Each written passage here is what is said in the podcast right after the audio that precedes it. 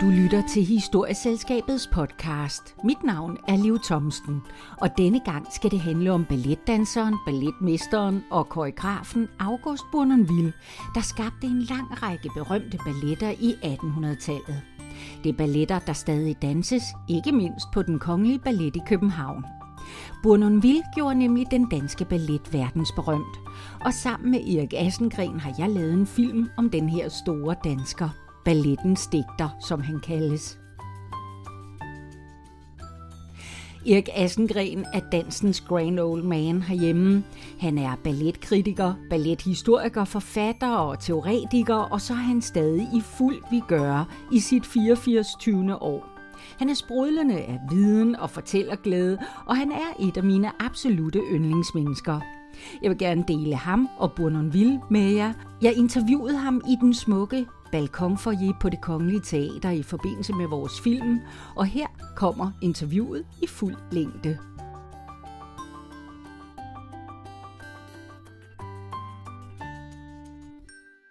Erik, hvis vi skal have et indtryk af Augusts barndomshjem, hvordan har det set ud der i starten af 1800-tallet i København? Ja, han boede jo i det midterste København øh, Knabrostræde, Kompanistræde, øh, og det var et kunstnerhjem. Det vil sige, det var det jo kun halvt, øh, fordi hans far var en smuk balletdanser, meget elegant, Antoine Bonneville, øh, men moren var en ganske almindelig, svensk også, øh, ganske almindelig dame, som ikke var særlig interesseret i teateret. Øh, Øh, hun var meget religiøs, hun var meget alvorlig, Øh, så det var sådan et kontrast øh, hjem, kan man sige på den måde der. Men meget tidligt, øh, så fandt August ud af, at han elskede optræde. Øh, og at elskede at få bifald. Og han var meget forfængelig som dreng, og det blev han ved med hele livet. Øh, og det faldt familien for. Og derfor så kom han altså til teateret. Hvilken indflydelse har det haft, at hans far var så stor en danser og senere balletmester? Det har været øh, en idol for August, at hans far var en smuk danser og en stor danser. Øh, og at dermed adgangen til teatret var åbnet lige med det samme. Historien om August Bournonville er jo ikke den grimme ælling. Han er født ind i det miljø, hvor han altså kommer til at sejre. Øh, så han får lov med det samme at komme på teatret. Og så bliver han balletbarn. Og så får han en verden, som balletbørn får, med så mange oplevelser og så mange øh, muligheder og øh, mærkelige ting, der sker omkring en, øh, som fylder øh, fantasien. Men det spændende er jo sådan set, synes jeg, når man kigger på perioden og tiden, at han også får en boglig uddannelse. For balletbørn på det tidspunkt lærte faktisk hverken at skrive eller, eller øh, læse. Øh, mange af dem, øh, som voksne dansere, øh, kunne simpelthen ikke skrive deres eget navn, og når de skulle ned og hente deres gase, så satte de et kryds. Øh, så Bournonville fik skoleudgang, skoleuddannelse. Øh, han gik i en privatskole om eftermiddagen, og da de vidste, at han skulle være balletdanser, øh, så fik han undervisning i musik og i tegning og historie. Så han plus fransk. Øh, han talte flydende fransk som 15-årig. Han korresponderede, når han var i Paris, med sin far på fransk og med moren på dansk. Nogle meget kærlige breve til moren, og nogle mere sådan formelle breve til faren. Øh, og så og hele dette niveau af dannelse, det var faktisk noget, der spillede en rolle, da han skulle udnævnes til balletmester, for der så direktionen på, at han ikke bare kunne danse og var en fantastisk danser, men han også havde et niveau, som øh, danser normalt ikke havde på det tidspunkt. Nu siger du selv, øh, at, at du nævner den grimme Elling. August må jo have været en meget, meget, meget hvid, smuk, prangende svane i sammenlignet med nogle af de andre børn, der gik på balletskolen. Ja, fordi de fleste børn på balletskolen, de kom fra mindre bemidlede hjem. Øh, det blev de ført med med langt, langt op, i, helt ind i det 20. århundrede. Øh, men øh, så, så August var på et andet niveau, og da han meget tidligt fik succes, og der blev klappet af ham, der var der selvfølgelig nogle af de andre, der så på det ene øh, ganske unge dreng, der foldede sig ud og blev klappet af og øh, tog opmærksomheden. Øh, nu, så det har, det, han har skilt sig ud lige fra begyndelsen. Udviklede det sig til arrogance? Altså den her overstimulation? Jeg tror ikke, at August Bournonville var arrogant, men han var meget forfængelig, og han var meget bevidst om sit eget værd. Øh, og senere, da han blev danser, så skriver han samtidig dagbog, i aften var Gud med mig, som han er på de store aftener. Så der var ingen tvivl om, at han synes, at han var et vidunder. Og det her han fælles med H.C. Andersen, de korresponderede meget om, hvor vidunderlige de var. Øh, så øh, forfængelig det var han, arrogant tror jeg ikke, han var. Men det er jo også en tid, hvor man dyrker geniet. Ja, fordi vi er jo i romantikken, øh, hvor, hvor geniet øh, er øh, højt estimeret, og ikke noget med, at vi alle sammen skal være lige. Geniet har nøglen til tilværelsens forklaring, og det gælder også i Bonnevils tilværelse, når vi kommer til hans balletter, at der skal vi hente noget om det inderste i tilværelsen. Det var geniet, der kunne fortælle os noget om det. Hvad er det, han opsnapper der i sin opvækst og i sin ungdom? Ja, altså for det første, så er det romantikken. Øh, og romantikken er øh, følelsernes periode. Og der er to idoler øh, i Brunvilds liv, øh, og det er Thorvaldsen og Ønsler. Øh, fra Thorvaldsen henter han sin æstetik om harmoni, og det er nøgleordet til Brunvilds dans, det er harmoni. Øh, Ønsler øh, hentede han interessen for den nordiske mytologi, øh, som han bruger i sidst i sit skaberværk med val- balletter som Valkyrien og Trymskviden. Men først og fremmest så får han romantikken øh, fra Ønsliger, og det er Ønsligers lyseromantik.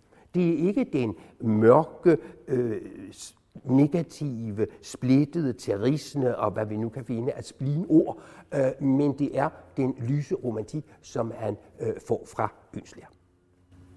Og, og så er det, at han jo øh, i en meget tidlig alder, helt øh, i, hvad skal man sige, sagens natur, øh, bliver optaget på balletskolen. Der danser han jo og træner øh, med den disciplin, det er krævet. Og så debuterer han jo. Hvor, hvor, kan du fortælle noget om hans debut?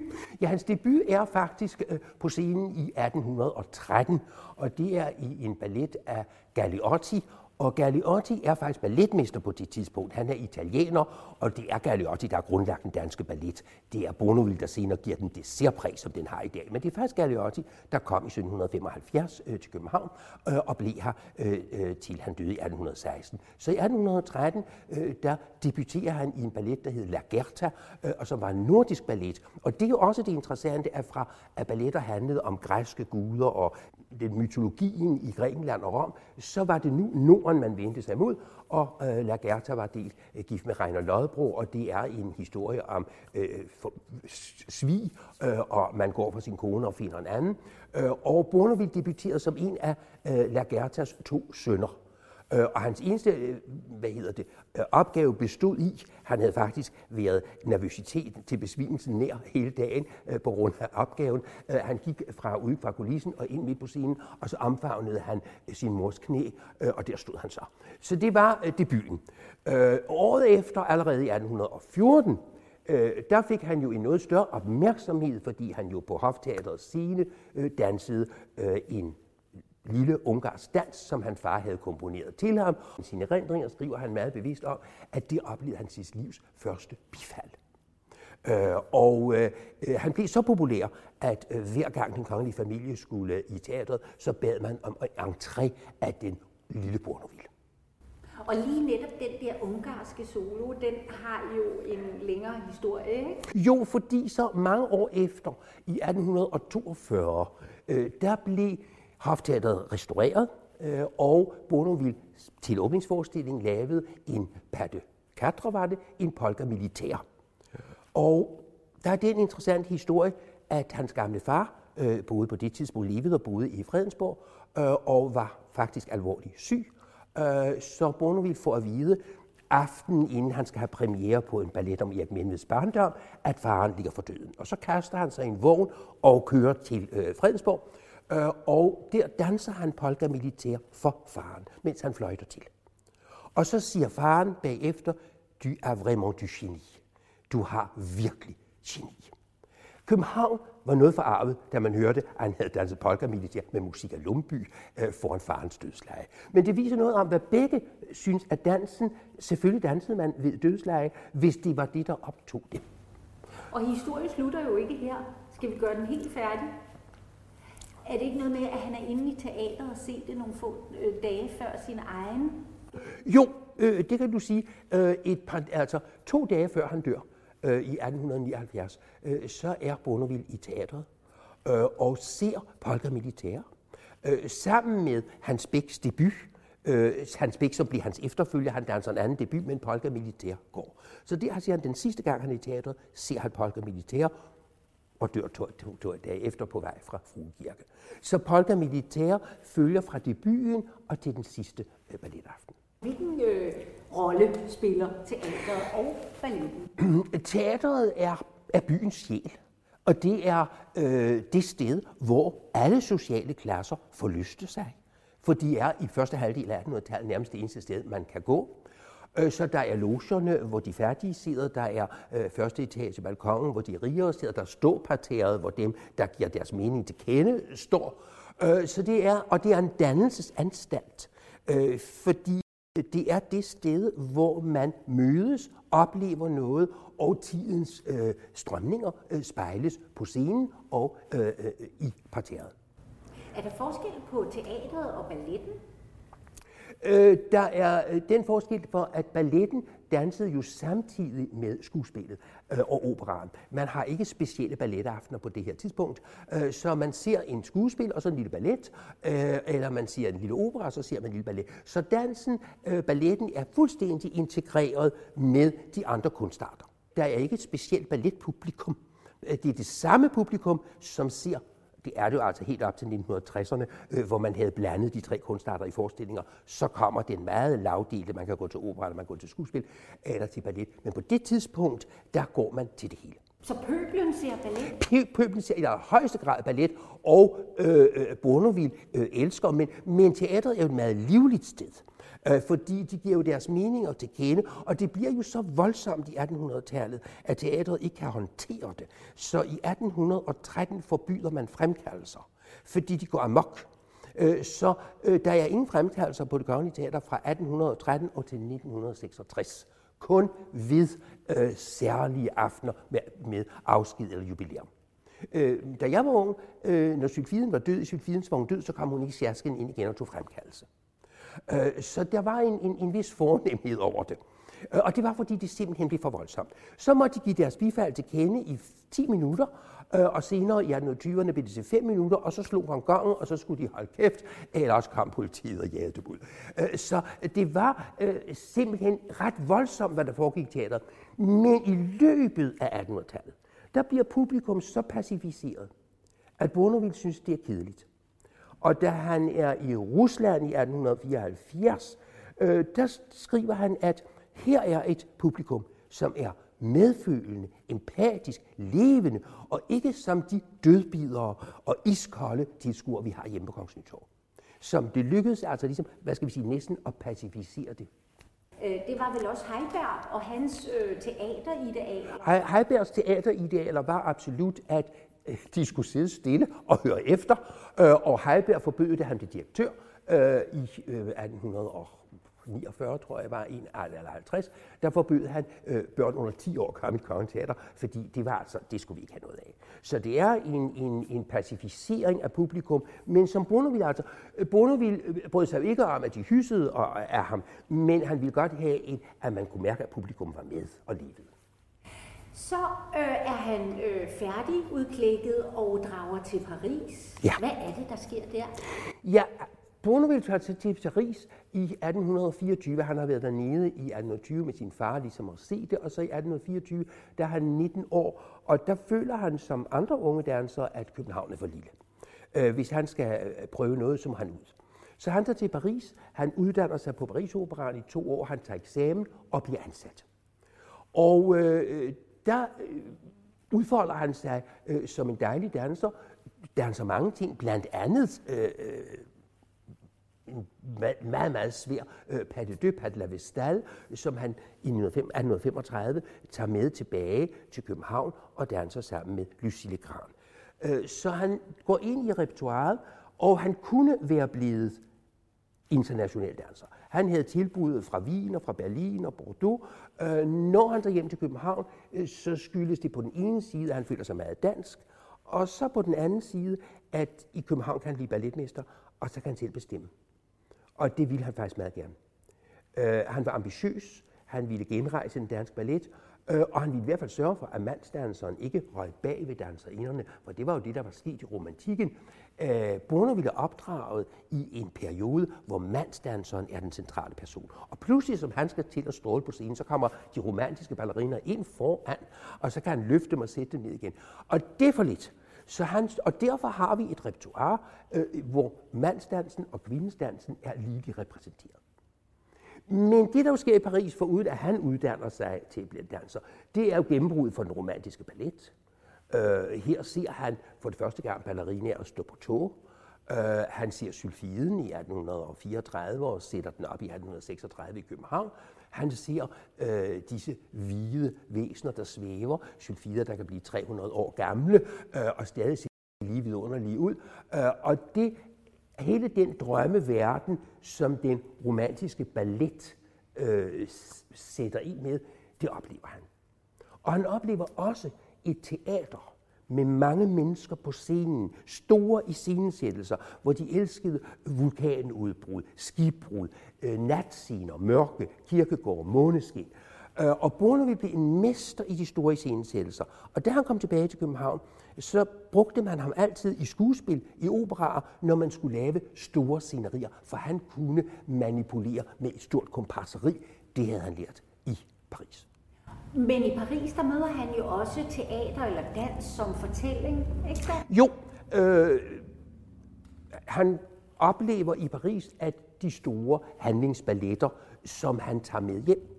Øh, Galeotti havde også lavet handlingsballetter, øh, men øh, Bono ville øh, går ind i en tradition, en romantisk tradition, hvor man fortæller historier i mime og i dans. Uh, og uh, det er sådan set hemmeligheden ved det, ved hans balletter fra 1800-tallet, og en ballet i 1800-tallet bestod af mime og dans. Uh, og de to ting, i dag er vi måske vant til, at nyere koreografer, der danser det hele. Men på Borneville har vi jo en bestemt mime. Bornovits far var en meget fin mimekunstner. Øh, Bornovits selv da han kommer tilbage på gæstespil i 1829 efter Paris, og det første gang, de ser ham hjemme, så skriver Øenslæger, som også var ballet, han melder, så skriver han, han taler. Og det var sådan fantastisk, de forstod, hvad han sådan mimede. Øh, og øh, i det hele taget, øh, så dansede han på en elegant måde, som de ikke havde set herhjemme. Så han tager øh, det fortællende, det mimende, øh, det store dramatiske øh, og folder det ud i sin egen koreografi? Ja, øh, han øh, laver jo en række balletter, øh, hvor det er handlingsballetten, der er det centrale. Øh, og det vil sige, at han kunne fortælle en historie. Øh, og den fortalte han som regel i minen, og så dansede de, når der var anledning til det, hvis de var glade, øh, eller øh, der var et optog eller et eller andet. Men som regel er hans danse hvad skal vi sige, realistisk inkorporeret i historien. Og nu har romantikken, den, den romantikken er blevet afløst af Biedermeier? Ja, jeg vil sige, at Biedermeier er en understrøm af romantikken. Og øh, det er den understrøm, som bliver Bournonvilles. Øh, fordi Biedermeier satser på det positive. Den satser på at øh, gemme øh, dissonanserne og disharmonierne for at give os et positivt billede. Øh, det er ikke, Bono ikke naiv. Han ved udmærket godt, at verden er vanskelig. Øh, men på scenen ønsker han ikke at lave realisme, men han ønsker at give det ideelle billede af øh, tilværelsen. Det, som vi skulle gå ud med af teatret, vi skulle jo tro på, at verden var vidunderlig, god Øh, og det skal vi stadigvæk, når vi går ud af en bord fra en Bournonville Ballet, så skal vi have fornemmelsen af, det er alt sammen godt, indtil vi læser dagens aviser. I moderne ører lyder det jo lidt kedeligt. Jeg tror, der er to synspunkter. Det ene er, at hvis ikke man har forstået, at der under idyllen ligger noget andet, så bliver det kedeligt.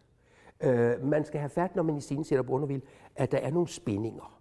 Og de spændinger kender vi udmærket godt. Øh, det er så hans mening, at dem skal man overkomme. Der er enkelte steder, hvor han ikke øh, får alle personer ind i den harmoni, som han gerne vil, og de bliver så sendt ud i kulissen. Øh, men det drejer sig altså om, at der er nogle erotiske, øh, temperamentsfulde spændinger nede under den overflade. Og de skal give liv til de karakterer, øh, som vi ser på scenen, for ellers kan de godt blive kedelige glansbilleder. Kan du nævne nogle konkrete værker her? Vi skal til, vi skal til forestillinger som et folkesavn, øh, vi skal til Napoli, øh, hvor der er nogle spændinger nedenunder. Og når vi i den anden akt af Den Blå Grotte i Napoli øh, har en erotisk pas de deux, mm, så er Bono jo ikke vildt erotisk set med vores øh, synspunkt. Øh, men det skal fortælles af dansere, som ved, at det her handler om erotik. Øh, og så øh, kan vi godt forstå det øh, med moderne modtagerapparat. Men danserne, kunstnerne, skal selvfølgelig vide, hvad de sender ud over rampen. Og, og hvad er de? Hvad, hvad gør de? Altså, hvordan danser man erotisk? Man har jo ikke i Bonovits verden så meget at gøre godt med, når man skal danse erotisk. Fordi hofterne er låst, øh, fordi de dansede med korset. Øh, så der sidder jo noget, man kan bruge, men det kan de altså ikke. Så de har faktisk kun øh, armene, hænderne, øjnene. Øh, men, men, men jeg øh, må citere en vidunderlig danserinde som Sorella Englund, der siger, at jeg kan gøre en tendu, det er sådan, man strækker foden ud tilbage igen, jeg kan gøre en tendu erotisk, hvis jeg ved, den skal være det. Og det vil sige, at hvis danseren kan sende de rigtige signaler ud, så kan blikket fortælle. Og derfor er det jo forestillinger, der er lavet til et lille teater, hvor vi faktisk kan se, hvad der foregår. Øh, de store teatre i New York og, og øh, Canada, der forsvinder balletterne lidt mere, øh, fordi det mimespil, det der foregår mellem personerne, er så intimt og er så vigtigt øh, for forståelsen af, hvad der, der sker. Og nu nævnte du øh, selv Napoli. Øh, ja. Det er jo lidt besynderligt, er det ikke det, at en, øh, at, at øh, en, en ballet, der foregår i Italien, og noget så italiensk, vil jeg sige, som Napoli, bliver vores nationalballet? For det er den vel i dag. Ja, det er ganske overraskende, at Napoli er nationalballetten. Øh, men det er den, at, tror jeg, flere grunde. For det første, så fordi den er så susende godt lavet. Den er så mm, vidunderligt konstrueret, og den spejler hele øh, Nordens længsel efter syden, efter varme, efter temperament, efter appetiner, man kan tage ned af træerne, og erotik, der gnistrer. Øh, så den har en, en fantastisk underholdende øh, del. Og så er den øh, godt konstrueret med en historie, der fortælles, hvor der dels er øh, ganske almindelig kærlighed i første og tredje akt, og så er der det spændende, erotiske, lidt mystiske i anden akt, hvor de kommer ned i, i, i, i, i de blå verdener, i den blå øh, grotte. Øh, så derfor er der også noget der. Og at den så er blevet øh, Nationalballetten skyldes jo, at man har brugt denne tredje akt med de danse, som besejler, at det farlige er overvundet. Øh, det har man så en livsglæde, og det er Bournonvilles kerneord, harmoni og livsglæde. Og derfor har man brugt øh, denne øh, danseglæde øh, som nationalballet, øh, som når man havde fremmede statsbesøg, så havde de fået tredje akt af Napoli. Og jeg engang spurgte dronning Margrethe, om ikke de synes, det var mærkeligt, at de kom styrten ind med tamburiner, øh, når, når det nu var her i Danmark. Og så hun sagde, det kan godt være, at de synes det, men de har aldrig sagt noget, de har været så venlige ikke at sige det. Så det er blevet vores nationalballet, fordi det er så styrtende flot. Men, Men selv, selv øh, pegede Bonneville jo altid på et folkesavn som hans bedste ballet, og det er jo en meget dansk ballet. Øh, men det er altså Napoli, der ligesom har bjergtaget os alle sammen, og for mange af os før charterrejser var øh, Bonavis Napoli det første møde med Italien, og når vi kom til Italien, så sagde gud, jamen det kender vi jo hjemme fra Kongens Nytorv. Så det, det er indviklet i, i, i, det, i det danske. Og, og, og, ja. Men jeg vil lige sige tilbage til det der med, om dette idyllag nu mm, er kedeligt og mærkeligt, så hænger det også sammen med, at hele øh, undskyld, det hænger sammen med, at hele øh, 1800-tallet fremstillede jo København som en idyl. Når vi ser på guldaldermalerier. Det var en meget smudsig by. Øh, men de lavede billeder på teater og malede dem som drømme, øh, som kom væk fra den virkelighed. Det var også et ubehageligt regime måske, lidt skarpt og lidt hårdt. Det glemte man, når man drømte sig væk til andre lande og andre steder. Og det er jo både Bonovits og romantikken i høj grad gør, Italien, Spanien, Mellemøsten øh, eller middelalderen, andre steder og andre tider var mere spændende end den, man lige var i. Teatret er jo en drømmefabrik. Eskapisme? Absolut eskapisme. Så springer han ud som balletmester. Ja. Øh, men det er jo ikke nogen ubetinget lykkelig tid, i hvert fald ikke i begyndelsen, vel? Det var svært at, at blive balletmester i København, fordi Bournonville jo altså kom med nogle krav, Øh, og han skulle opbygge et kompani. Øh, han skulle også overbevise mm, teatret om, at balletten ikke bare var en underholdning. Øh, Galliotti, Vincenzo Galliotti, hans øh, forgænger, havde bragt balletten op til et højt niveau, men han var jo altså død 15-20 år før, og så er der gået en generation, og balletten var i en ringestand, da August Bornevik trådte ind. Så langsomt byggede han det op, men allerede i 1830'erne får han jo nogle store succeser med en historisk ballet som Valdemar i 1835 med, med Sylfiden i 1836, og har uddannet en vidunderlig danserinde, Lucille Gran, som danser Sylfiden. Øh, og der begynder publikum at lægge mærke til, øh, hvor fantastisk det er. Og så går han ind lige der i 30'erne, øh, hvor øh, åndslivet også dyrker det splittede, øh det øh, ikke så harmoniske. Øh, H.C. Andersen skriver romaner, der ikke ender lykkeligt, og øh, Paludan Møller skriver danser inden, som, hvor det også går galt og begår selvmord. Øh, og Kirkegård er jo heller ikke det mest harmoniske, man kan komme ud fra. Øh, og der træder sylfiden ind med sin disharmoni. Men der sker jo det, at 30'erne efter at være disharmoniske lukker sig, og fra 1840 så får vi den Bournonville i idyl, som både Heiberg ville, og Bournonville ville, og Paludan Møller ville, da han var blevet lidt ældre. Øh, så på den måde, øh, så øh, er der en, en, en spændende indkøringsperiode, og så bliver det måske meget dansk og idyllisk. Han leverer varen, kan man godt sige, men alligevel så stopper han på et tidspunkt. Hvorfor? Jo, i, øh, altså, han har stor succes. Men der var altid nogen, der ikke kan lide en balletmester. Øh, og ikke mindst dem, der kender nogle af ballerinerne, som ikke får de roller, øh, som de skal have. Øh, så i 1840, øh, 41 kommer han ud for øh, et ubehageligt tilfælde, i det han bliver pipet ud på scenen. Uh, han, det, han har lavet en ballet i 1840, der hedder Toreadoren, og der dansede han selv hovedrollerne. Han dansede altid selv hovedrollerne indtil 1848. Øh, og der kommer han ind, og efter en øh, stor øh, kamp i, øh, hvad hedder det, øh, med, med tyren, og så kommer han ind som toreadoren. Og så er der en skummerfamilie oppe på øh, etagerne, der pifter øh, i nogle nøgler, øh, og det er så en af ballerinernes øh, greve, der har sat det her i gang. Og Bono bliver så forskrækket, at han springer ned og kongen er i teateret, men det generede ikke dem, der pep. Og så gør han det, som jo ikke var så heldig. Han vender sig mod øh, Christian den øh, 8. og siger, øh, hvad befaler deres majestæt. Og kongen bliver så forskrækket, så han siger ganske tørt, fortsæt. Og så øh, dansede Bonneville videre. Øh, men så var han godt klar over, at det var ikke så heldigt. Øh, så da han kom hjem, så skyndte han sig at skrive sin afsked. Og, men den ville teatret ikke give ham. På den anden side, så skulle der også ske noget, så han fik husarrest, mens de tænkte over, hvad de skulle gøre. De ville jo ikke af med ham. På den anden side kunne det ikke noget, han begyndte at trække kongen ind i sådan teaterkambaler. Og vi er i 1840'erne, hvor folkestyret øh, begynder at pible frem, og kongens stilling er sådan lidt øh, øh tvivlsom, så der kan ved at ske noget politisk. Så derfor skal der ikke være for meget uro om kongens person. Øh, så Bournonville får øh, overlov i et halvt år uden løn. Så deler han sine penge, øh, og så tager han først til Paris, øh, og så tager han til Italien for første gang. Han havde ganske lavet nogle italienske balletter. Han kendte faktisk også, da han kom til Italien, så kendte han det fra sine egne balletter, som han havde lavet øh, ved hjælp af øh, hvad hedder det, øh, danske malere øh, og H.C. Andersen, som havde skrevet til Italien. Og så kommer han til Napoli.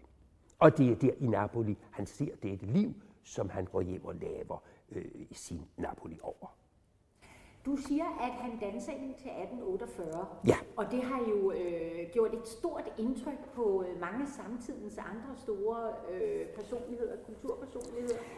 Ja, ja fordi Bournonville øh, gjorde indtryk som danser og som kulturperson. Øh, men altså, i det lille København, øh, der var man der rangerede han på et helt andet niveau, på linje med malere, forfattere, øh, musikere, øh, som de slet ikke gjorde ude i Europa. Der var ingen balletdansere ude i Europa, der så kom sammen med øh, øh, de toneangivende. Det gjorde Bonneville. Han, han spillede øh, øh kvartet med, med, med de fine musikere, han spillede nemlig også violin, og han korresponderede hele tiden med Andersen, og de bestyrkede hinanden i, hvor udmærket de var, øh, og hvordan de samtidig blev forfulgt. Øh, han var ikke på god fod med familien Heiberg, Øh, men, men, men fru Heiberg beundrede ham meget, ærgerede sig over, at hun havde forladt balletten, øh, da han kom til, for pludselig var der jo noget, ved skete, der var noget ved balletten. Så han var i den grad en central figur i det danske kulturliv. Øh, Goldsmith øh, skrev blændende om ham, øh, hvor, hvor spændende han var, og hvor vigtigt det var. Og det var så vigtigt, at da Bonneville holdt holde op med at danse, så tænkte man, ja, så er der vel egentlig ingen grund til at have en ballet, øh, fordi det kan jo ikke nå det niveau igen. Han er blevet kaldt ballettens digter. Både H.C. Andersen og Øenslæger kaldte ham ballettens digter, og det synes han var en hæder at blive kaldt, fordi så rangerede han som en skabende kunstner, og ikke bare som en udøvende på linje med de andre store. Og han allierede sig jo med nogle af de store komponister i tiden også. Det var jo sådan, at en komponist med respekt for sig selv lavede ikke balletmusik. Øh, det var ikke fint. Så derfor måtte man klare sig med mindre ånder.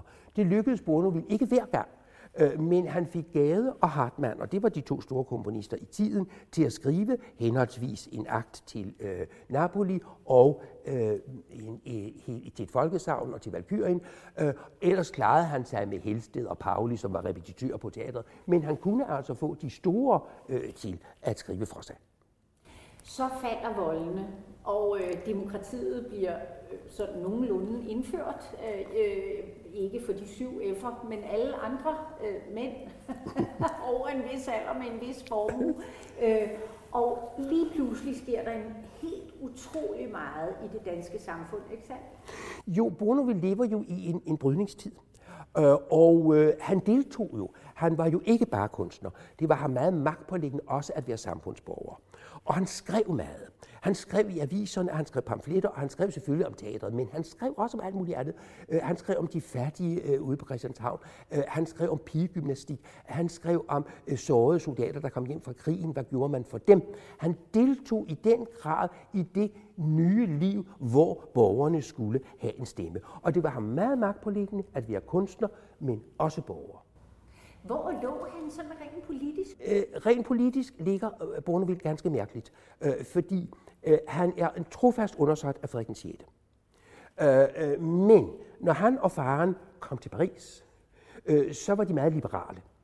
De var meget begejstrede for Napoleon, øh, ikke tyrannen, men den mand, som ville noget og gjorde det. Øh, så Bournonville er liberal i sine grundsynspunkter, men øh, da vi kommer og derfor øh, en, en, fri, en ny forfatning i 1848, øh, 49, øh, det, det huer ham meget godt. Men da vi kommer til øh, socialismen øh, og øh, hvad hedder det, kommuneopstanden øh, i Paris, så står han af. Det er for voldsomt. Så han er altså liberal borgerlig. Og alligevel er han jo advokat for, øh, ja, for eksempel øh, de, de stakkels balletdansere. Han kæmper jo for ret til øh, altså pension og bedre lønforhold og sådan noget. Han er meget optaget af sine danseres øh, sociale forhold. Øh, og at det er det første sted i Europa, øh, hvor der er en balletmester, der interesserer sig så meget. Han sørger for, at danserinerne ikke er halvprostituerede. Han forbyder herrerne at komme på scenen og i garderoberne, øh, som de gjorde i Paris, øh, og det vil han ikke have. Og han sørger for også at starte øh, pensionskasse, øh, privat pensionskasse, øh, for at der dog kan være noget, så de skal på ladegården. Øh, så han er meget optaget, og jeg tror, det er det første sted nogensinde i Europa, hvor balletdanserne får en sådan social, bliver så socialt integreret øh, i det omliggende samfund. Det er også hans fortjeneste.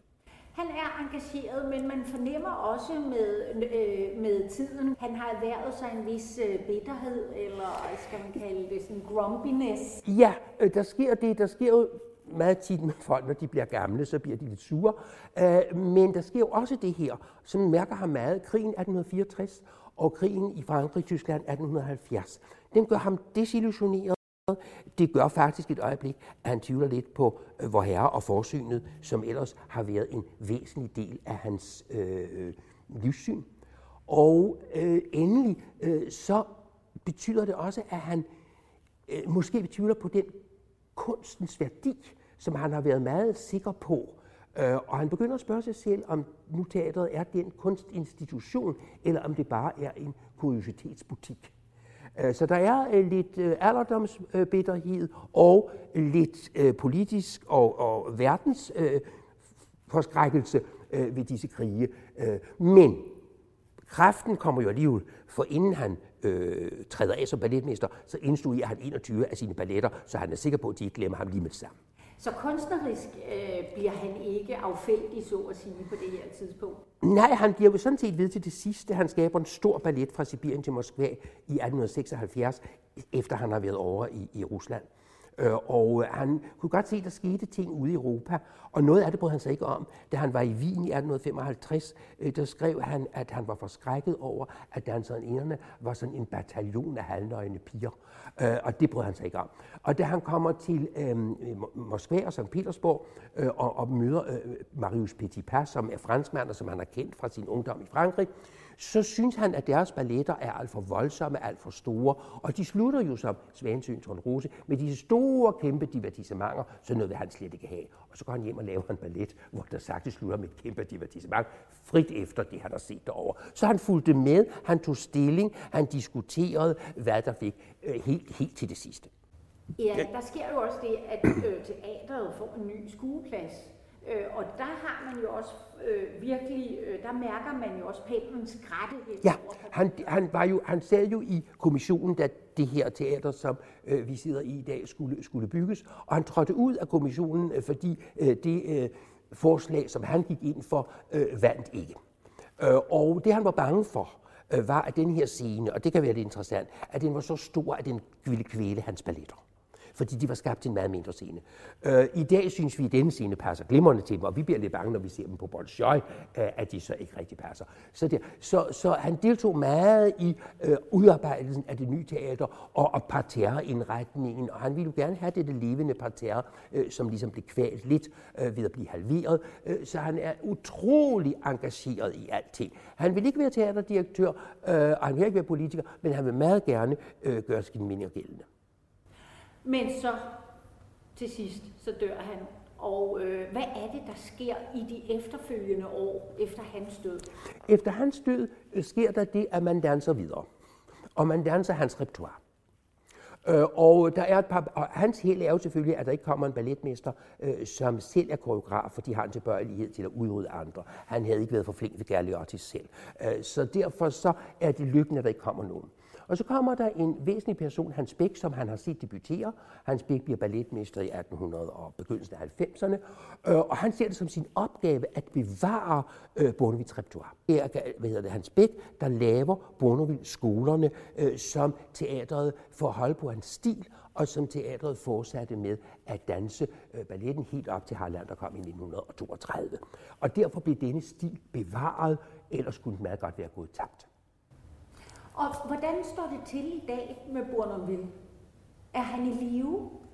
Jeg mener, Bournonville er i, i styrtende live, havde jeg nær sagt. Altså, øh, Bournonville øh, er ikke sådan at slå ud. Øh, og, og jeg tror altså, der er en arv øh, i en øh, stor håndfuld balletter, øh, som øh, er danset ubrudt-tradition, og det har været det, der gjorde den danske ballet internationalt bekendt og berømt, og det kan jo være lige meget, hvis ikke det interesserer. Øh, og øh, det, jeg tror, hvis man skal sige, hvordan bevarer man arven, øh, det er noget om, at man skal holde af Bordovil.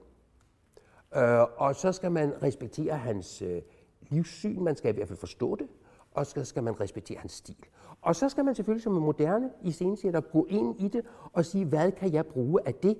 Og så kommer der en konfrontation mellem Bonovils værdier og en moderne iscenesætter, danser, øh, som skal tage stilling til det. Og ud af det, kommer der noget spændende, øh, og samtidig kommer der noget, der ikke er så spændende.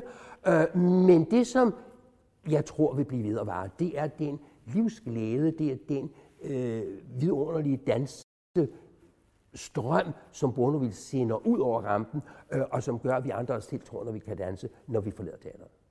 Nu har du næsten selv sagt det, men, men øh, vi er jo kendte i hele verden på grund af Bournonville. Ja, ikke? Den altså for, ballet er lige uden, uden at genere nogen andre koreografer i sin sætter balletmester i den danske ballet, så er der én ting, der tæller internationalt, og det er vores Bournonville repertoire. Det er det, der gør den danske ballet kendt internationalt. Der er intet andet kompani, der har så stor en serie balletter danset i ubrudt tradition fra den romantiske periode. Og hvorfor? Hvorfor, hvorfor er vi blevet verdensberømte? Fordi der er, fordi, og vi er blevet verdensberømte på det, fordi man kommer her og siger, en tidslomme, øh, som hvis man er historisk interesseret, så er det interessant, men det har jo også vist sig, at den tidslomme kunne folde sig ud og få et publikum til at blive begejstret. Og når vi har haft disse festivaler øh, siden 1950'erne, hvor folk er kommet, så har der jo været både fra kendere, men også fra et almindeligt publikum, en glæde over, hvad de så. Erik, hvad er din yndlings Bournonville ballet? Hvis du skulle udpege en, som jeg skulle se og så, nyde og opleve, hvad er du, du, kan, du, du, kan, du kan vælge mellem Napoli og Sylfiden. Øh, Sylfiden havde han 20 stjålet øh, nede i Frankrig, øh, og det var en tragisk ballet. Og den er vidunderlig, fordi øh, den har nogle fortolkningsmuligheder, som vi alle sammen kan spejle os i den. Men øh, Napoli er hans eget produkt, øh, og den har også nogle fortolkningsmuligheder, og så har den altså den der livsglæde, som er forfærdelig dansk. Et folkesavn er lidt mindre interessant, fordi der er meget lidt dans i den. Øh, og egentlig synes Bournonville, at han havde nået en form, øh, som var rigtig, for der behøvede ikke være så meget dans.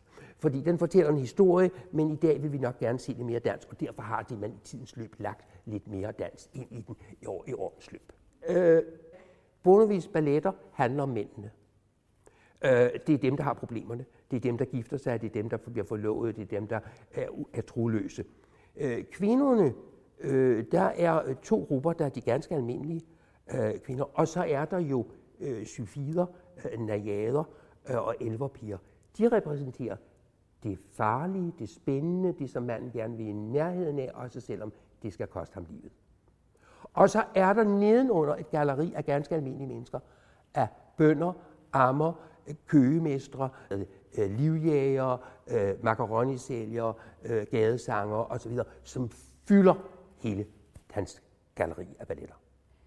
Hvis du skulle give nogle få råd nogle, nogle stikord til den fuldstændig uøvede balletgænger, der kommer ind og skal se sin første Bournonville. Hvad skulle det være?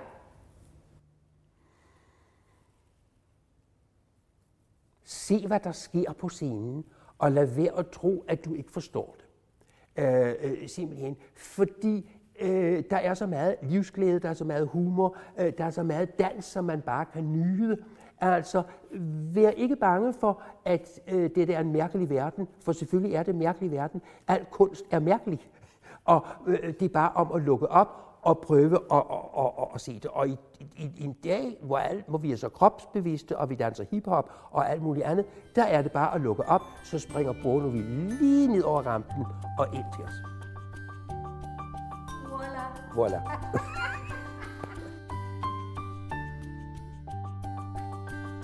Erik Assengrens og min film om August Bournonville, Ballettens digter, kan ses på DRK i 2019. Du har lyttet til Historieselskabets podcast.